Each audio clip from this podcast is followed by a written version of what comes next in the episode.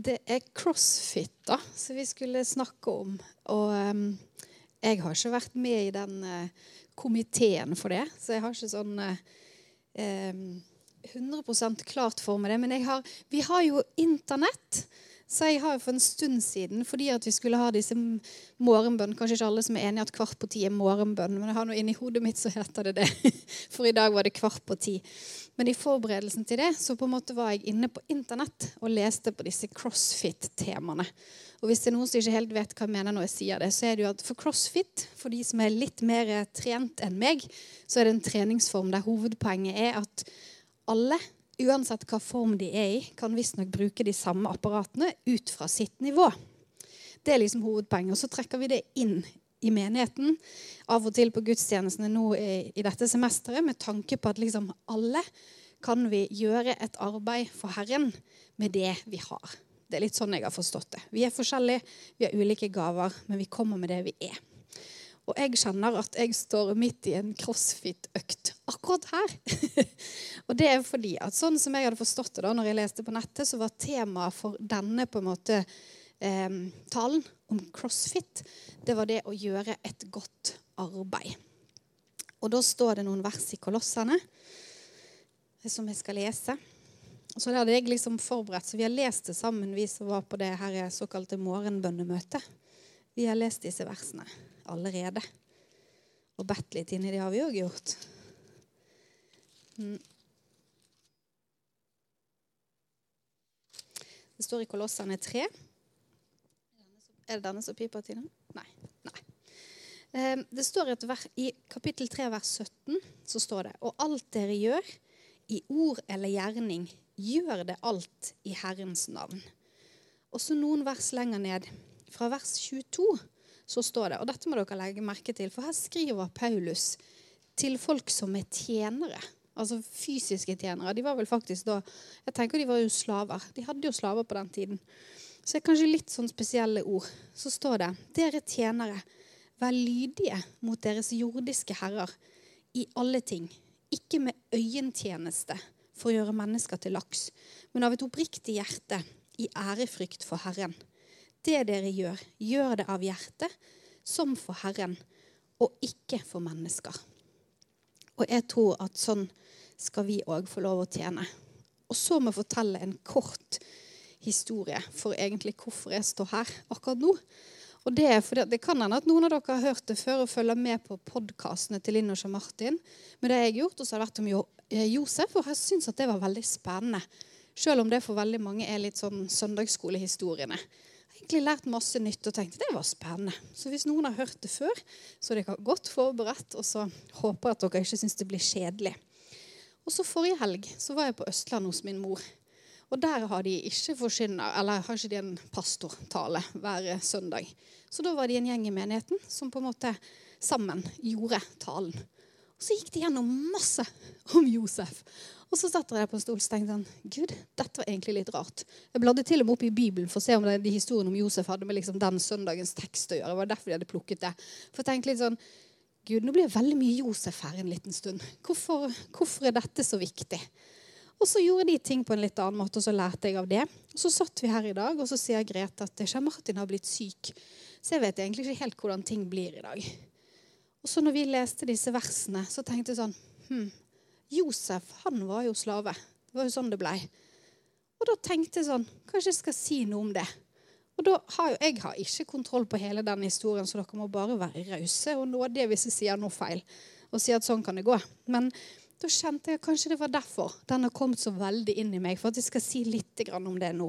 For jeg syns jo at det er et veldig, han er en veldig spennende mann inn i disse ordene. Med å tjene på best vis, sjøl om du er slave. Og Da skal vi ta noen få steg tilbake i de gamle søndagsskolehistoriene. Vi er i første Mosebok. Ifra, faktisk helt fra kapittel 37 og til 50 så står det jevnt og trutt om Josef. Eh, og Josef han var nest yngst. altså Han var den ellevte i denne søskenflokken på tolv hos Jakob. Dette er patriarkene våre. Og han var jo en eh, Må jo ha vært en usedvanlig fyr. Når han var 17 år, så begynner det, så står det om han at han ja, så han slarvet litt på brødrene sine. Jeg vet ikke hva de holdt på med, og hva de gjorde, men han var nå en liten sladrehank i hvert fall. Faren han favoriserte han. Jeg vet ikke hva han så i han. Det er kanskje ikke veldig sunt for en søskenflokk å bli åpenbart favorisert og fikk en ekstra fin kappe. og Det er klart dette ble det familiedrama ut av. Og så hadde han noen drømmer. Og um, jeg vet jo ikke hvorfor det, men det er ikke sikkert det var så Det ser jo veldig smart ut etterpå når vi vet konklusjonen, men det var jo ikke sikkert det var så veldig klokt av han å øse ut av disse drømmene. For å fortelle sine i hvert fall da ti eldre brødre at vet du hva, jeg så en sånn der drøm jeg, med masse kornaks rundt meg, og de bøyde seg mens jeg sto høyreist i midten. Og jeg er 17 år og nest yngst. da. Ja, dette syns dere sikkert var en bra historie. Jeg tenker Det er oppskriften på dårlig stemning, og det ble det til gangs. Det ble faktisk så dårlig stemning og så mye sjalusi at eh, de valgte å selge han.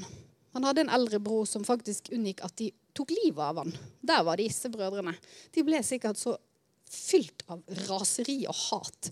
De tenkte vi kverker han der jyplingen der. Så var det en som sa ah, det var kanskje litt drøyt å ta livet av han. Så de solgte han, puttet han i en brønn og så kan vi jo håpe da, at intensjonen til han som sørget for det, var at eh, de eh, liksom, han skulle hente han seinere. I hvert fall så lyktes ikke det prosjektet å hente han, for han var solgt og havnet i Egypt. Så da var kanskje Jeg kjenner ikke Josef, men det kan jo hende at disse store vyene hans og den fine kappen hadde Kappen hadde han jo ikke lenger. Den hadde de tatt med til faren full i blod med løgn og sagt at han antageligvis var drept av et dyr. Men eh, han var kanskje ikke så selvsikker lenger når han kom som slave til Egypt. Men så står det et interessant vers i kapittel 39, 2, for da står det Gud var med Josef. Så alt lyktes for ham. Han ble der. Og så står det at og Det syns jeg er et interessant vers. Noen vers lenger ned så står det Josef hadde alt Potifar sitt i sin hånd. Og så står det til og med presisert unntatt maten han spiste. Da begynner det liksom å komme ganske godt ned på Jeg vet ikke altså, om det betyr at han kunne låne en kappe av og til. jeg vet ikke. Men absolutt alt.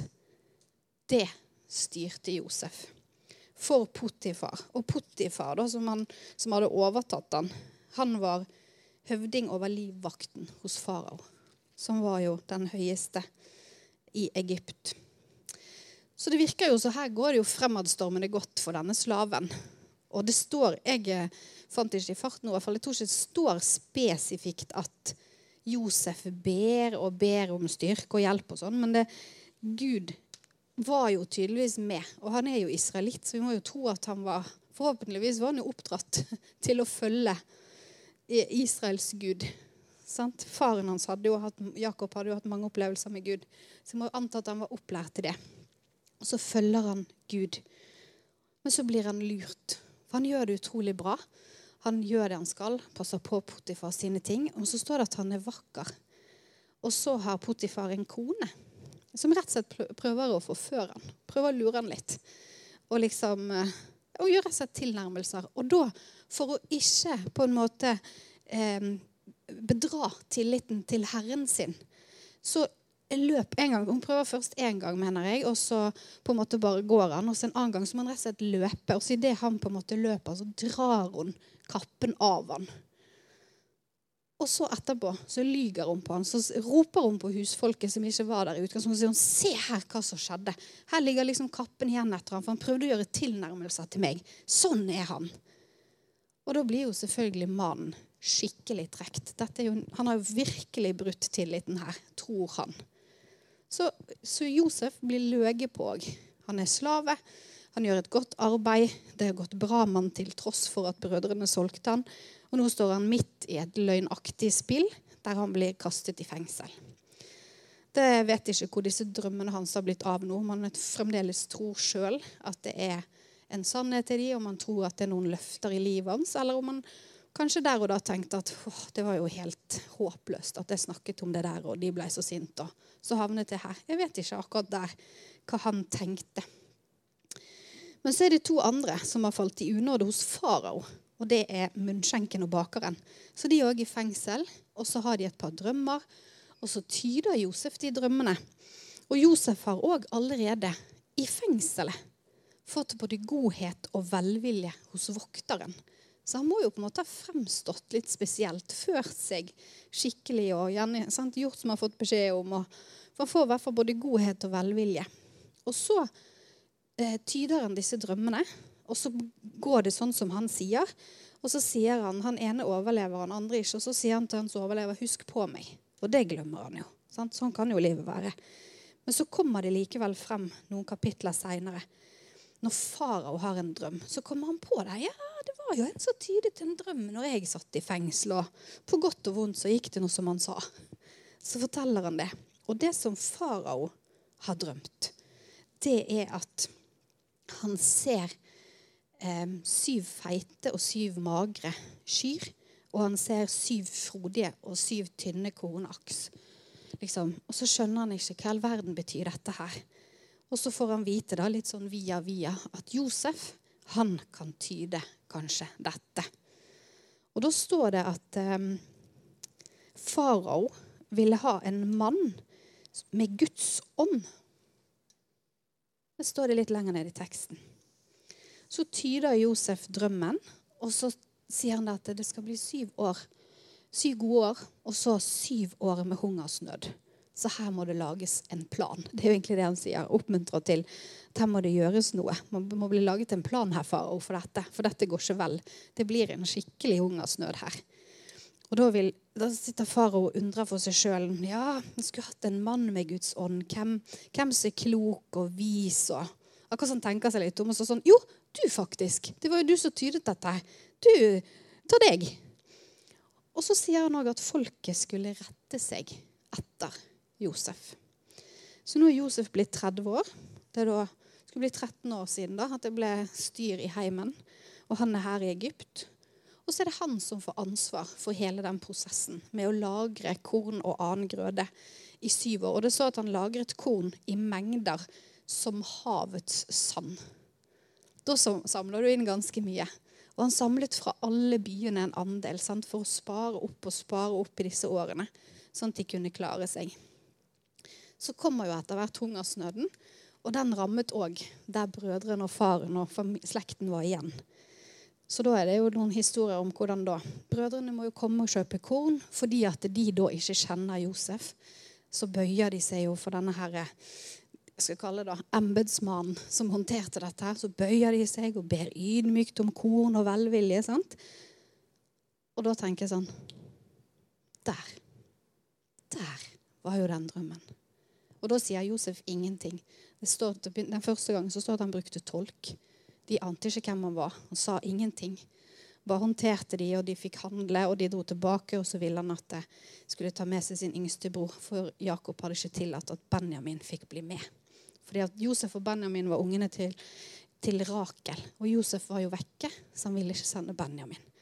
Så sier Josef at han må dere komme med.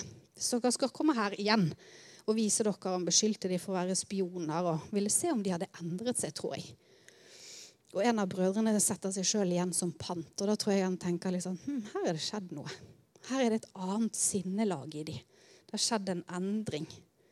Og Så får de korn, og så kommer de tilbake, og via liksom diskusjoner og frem og tilbake med faren, så har de Benjamin med. Plasserer han de i huset, hoffet, hva det nå heter. Plasserer han de. De skal få spise hos han. Så setter han de etter alder. Og da står det at da tenker de litt sånn Hvordan hvordan vet han karen her rekkefølgen på oss? Og så går det ikke så lang tid før det brister litt for Josef, og så må han si til dem hvem han er. Så kan de få gjøre opp.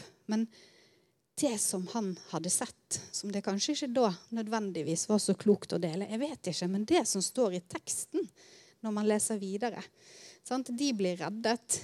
Egyptere og omkringliggende folk blir reddet fordi at Josef var satt i en posisjon der han både kjente til fra Guds hånd det som skulle komme, og kunne gripe inn i det og gjøre en jobb i det, så står det at Josef sjøl uttaler seinere i disse kapitlene mot slutten av første Mosebok at de, de uttrykker egentlig etter hvert litt sånn dårlig samvittighet. Så sier han ikke ha det. Det var Gud som gjorde det.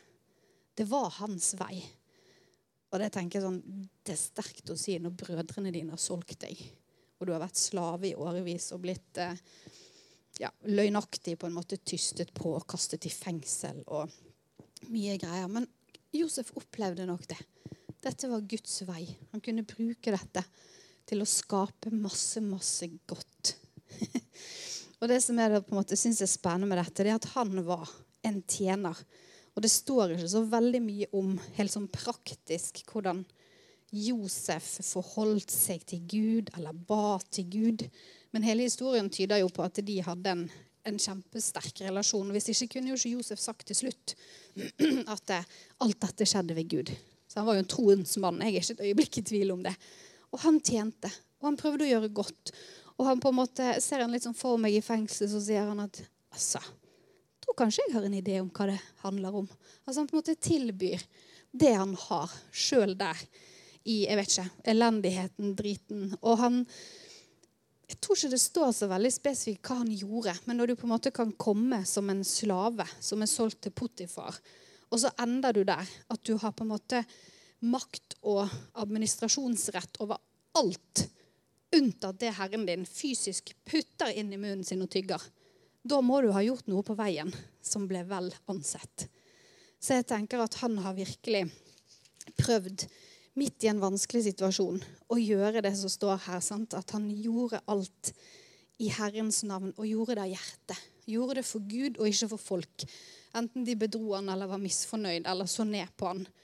Så bare fortsatte han å gjøre det som han opplevde Gud ville. Og så ser vi at ting som var talt over livet hans, det på en måte det blir. Og det fører til noe. Og det fører til noe godt.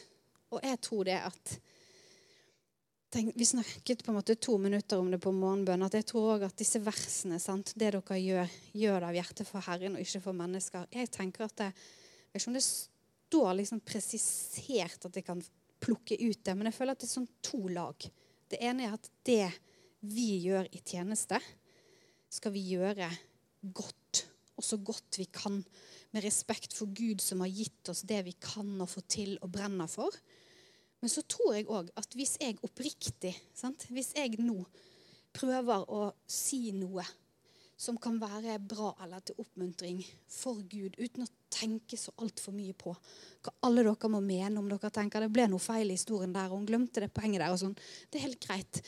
Så på en måte kan det gi en frihet òg. Hvis ikke vi hele tiden skal tjene fordi at det, ja, nei, jeg må liksom være og prøve å være så god som den, eller like åndsfylt og levende og positive som den. Sånn, hvis vi faktisk gjør de tingene vi tjener med, for Herren, og ikke for mennesker Og da mener jeg sånn at for at mennesker skal se og legge merke til og sammenligne. Vi gjør jo mange ting for hverandre i godhet fordi vi vil det.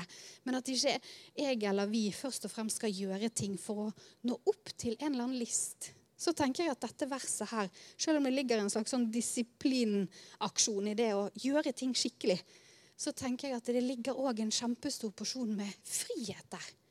Jeg skal bare, bare Jeg skal faktisk bare bruke det jeg har, og det jeg har fått, og det som Gud har lagt ned i meg. Og så kan jeg tjene. Og det er jo frihet i det. Og så er vi veldig forskjellige og ulike generasjoner og liker ulike ting og kan forskjellige ting. Og da tenker jeg sånn, Det er helt bibelsk. Gud sier han trenger alle. og Hvis dere vil ha et lite studie om folk kan bruke folk som er forskjellige, så kan dere bare kikke litt på, på disiplene. Det var tolv ganske ulike menn. Så bare se og lær hvis det er noen du lurer på om Gud kan mene at du skal gjøre noe sammen med. Så kan det godt hende han kan det. Og så skal Terje si litt mer om hvordan får vi dette til da, sammen med Gud.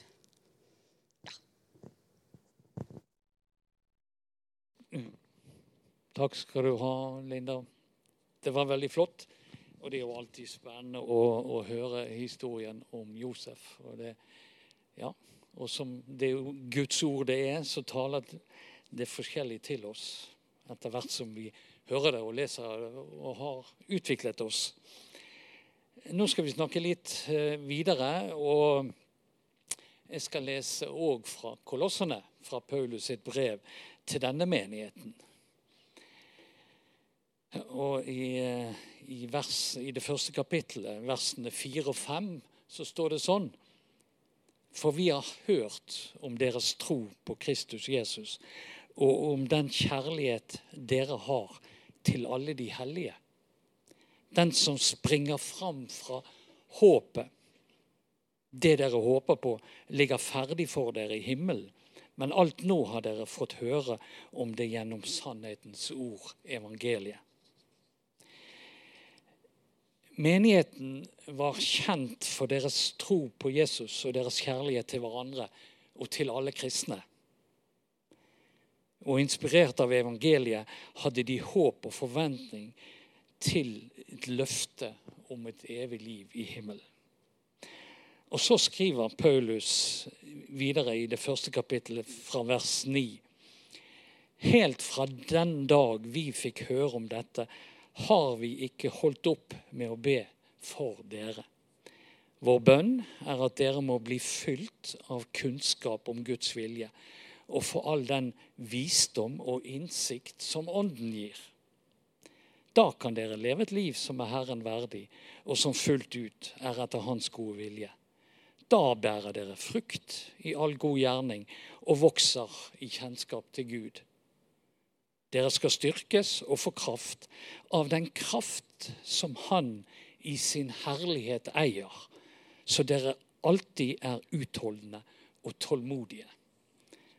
Fantastiske vers og en fantastisk bønn for menigheten der. Altså, vår bønn er at dere må bli fylt av kunnskap om Guds vilje. Og få all den visdom og innsikt som Ånden gir. Den hellige ånd gir kunnskap og innsikt og visdom. Og det samme kan vi be om for vår egen del og for vår egen menighet. Hva Gud vil, det har vi i evangeliet, og det Ånden vil, eh, vil gi oss av visdom og innsikt. Så vi trenger, som alle menigheter trenger, å få en forståelse av Guds vilje med oss. Og få åpenbaring om den vilje og den tanke som Gud har for denne menigheten. Vi trenger at Gud fyller oss med sin ånd, slik at vi tar de rette og gode valg og går på den veien som Gud har for oss. Så derfor La oss ta denne, med, denne bønnen med inn i den uken som nå ligger foran oss. Der vi skal ha bønnemøte hver morgen. Nå blir det bønn fra klokken eh, kvart over Nei, seks, seks til kvart på syv her i kirken. Bønn hver dag fra mandag til fredag. Og Vi trenger å ta den bønnen med oss inn i dette. For vi, ber for konferansene eller det, de møtene vi skal ha sammen med Håkon Fagervik til helgen. Ja, vår bønn er at dere må bli fylt av kunnskap om Guds vilje og for all den visdom og innsikt som Ånden gir. Den bønnen kan vi be. Til de kristne i Rom, så skriver Paulus i sitt brev der, fra vers 15, 13, eh, det 15. kapittelet, vers 13 da, måtte håpets Gud fylle dere med all glede og fred i troen, så dere kan bli rike på håp ved Den hellige ånds kraft. Altså, Den hellige ånd er med for oss. Han har kraft å gi oss. Vi skal bli rike på håp ved Den hellige ånds kraft.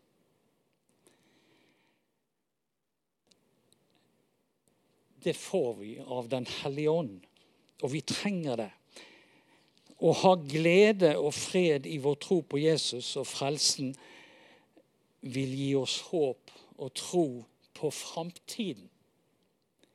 Vi trenger ikke å se på å være avhengige av egne ressurser. Men vi kan løfte vårt blikk og våre bønner opp til Jesus, og det han kan gi oss. For det som han kan ved sin ånd, er å gi oss kraft i tjenesten og til å holde ut i denne tjenesten til han kommer igjen. Jesus vil at vi skal leve i menigheten fylt av Den hellige ånd. Å bli fylt er å åpne opp for det og be om at Den hellige ånd kommer inn og fyller oss. Og vi trenger å gjøre det regelmessig. Og ønsker vi det, så vil vi bli fylt.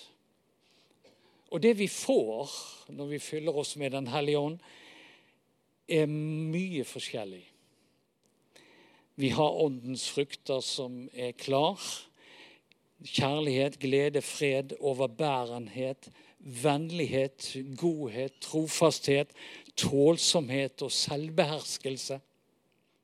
Altså det er bare gode ting vi får av Den hellige ånd. Har du tenkt på at menigheten som Jesus plasserte deg i, eller oss i, med de vi sosialt går godt sammen med, og de vi er forskjellige fra, og gjerne svært forskjellige fra. Vi har alle ulik alder og åndelig vekst og modning, men vi er plassert sammen. Åndens frukter binder oss sammen, hjelper oss til å se hverandre fordi vi er. Møte hverandre med kjærlighet, godhet, vennlighet, slik at vi kan bære over med hverandre, tåle hverandre. Være ydmyke og bringe fred og godta hverandre fordi vi er. Og hjelpe hverandre videre på veien. I menigheten så trenger vi alle mennesker. Ja, alle slags mennesker. Og vi trenger hverandre uavhengig av alder og modning og sosial status osv. Tenk på at Guds tanke med menigheten som er beskrevet som kroppen, det betyr at alle lemmene på kroppen har hver sin oppgave og fungerer sammen. Alle er like viktige. Det er det Gud har tenkt. Og det er sånn det bør være. Det å bli fylt av Den hellige ånd fører til en indre fred og glede. Noen forteller om en brann og en kraft som fyller hjertet, ja, hele kroppen. Å bli fylt av Den hellige ånd kan òg gi oss nådegaver og utrustning. Den hellige ånd vil alltid ære Jesus og hjelpe oss til å ta, oss av, til, å ta til oss av Guds ord. Og vi har mange eksempler i Guds ord på at vi blir oppmuntret til å ta til oss av Den hellige ånd. Galaterne 5, 16. Lev et liv i ånden. Det er det. Lev et liv. Det, det er så klart og så enkelt og så tydelig. Lev et liv i ånden. Vi skal altså vandre med Den hellige ånd hver eneste dag. Han er med oss. Og Jesus har, og Gud har formet det slik at han kan gjøre det med hver eneste en av oss. Vil han være nær og kunne lede oss i våre liv. Og i vår tjeneste, ikke minst. Så vi trenger stadig å bli fylt av Den hellige ånd. Og vi trenger at Den hellige ånd tenner oss i brann for å gi nød for de som ikke, har, som ikke er frelst. Vi trenger Den hellige ånd til å inspirere oss til å bringe evangeliet og vitnesbyrdet ut til de som ikke tror. Vi trenger Den hellige ånd til å inspirere oss til å forkynne for barna og de unge. Legge til rette for at det er tilbud for de i vårt fellesskap men òg for å gi oss kjærlighet og visdom i møte med alle typer mennesker, også de som er enkle. Vi trenger Den hellige ånd til å gi oss kjærlighet og evne til omsorg for de som har et sønderbrutt hjerte. De som er såret, gjerne skadet av andre. De som har blitt fratatt sine rettigheter, osv. Og, og vi kan bare slå på nyhetene, så får vi høre at det er stor nød i den verden vi lever i i dag. Og Den hellige ånd kan gi oss evne til å bry oss. Også om den nød som er i vårt eget land. Så vi kan godt be denne bønnen for vårt folk. Måtte håpets Gud fylle dere med all glede og fred i troen, så dere kan bli rike på håp ved Den hellige ånd. kraft. Vi skal òg bli rike på håp, står her. Å bære på et håp er viktig for oss. Det å ha noe å se fram mot, noe som motiverer til handling. Håpets Gud ønsker at vi skal bli rike på håp. Og Dette verset knytter håp og troen sammen, slik som Hebreerne 11,1 gjør. Troen er sikkerhet for det som håpes, visshet om ting en ikke ser. Som Guds barn kan vi alltid bære på et håp om et evig liv i himmelen sammen med Jesus. Vi ser det ennå ikke med våre øyne, men vi håper at det en dag skal skje. Og all den erfaring vi har med Gud vår Far, Jesus vår Frelser og Herre, og Den hellige ånd som vår trøster og talsmann, gir oss en visshet og dermed tro på at det kommer til å skje. Ikke sant? Det er sånn det er. Det er sånn vi kjenner det. Og jeg ønsker at vi alle kan bære dette håpet, denne troen i våre hjerter. Og om vi ikke har det, så er oppfordringen i dag klar. Be om å bli fylt av Den hellige ånd.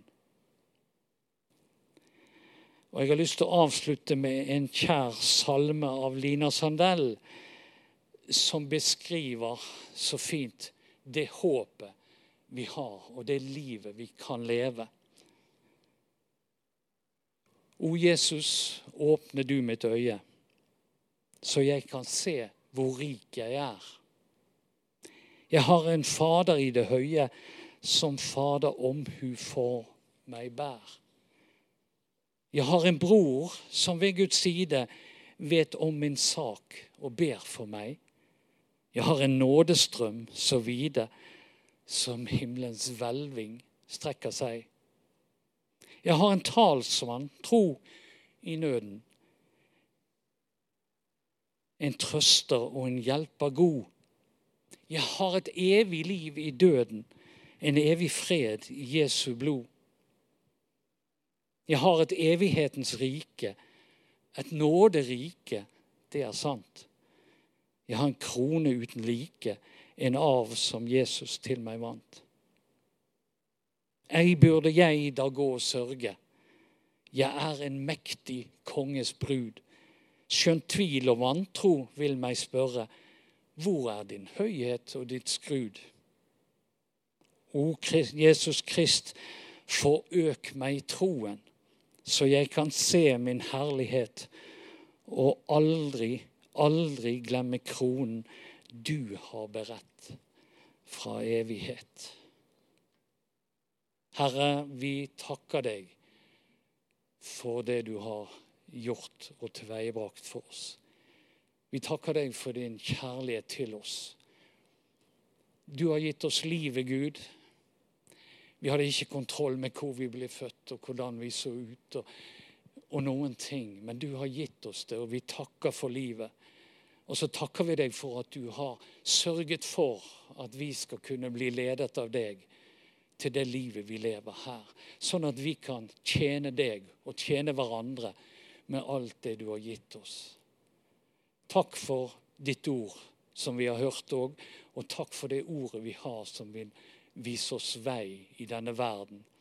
Og så ber vi, Herre, om at ja, om vi ikke ser Den hellige ånd, så er den virkelig og nær oss hele tiden. Og du har gitt den til oss for å hjelpe oss på veien som dine barn i den verden vi lever i. Herre, styrk oss ved din ånd. Kom og fyll oss ved din ånd. Amen.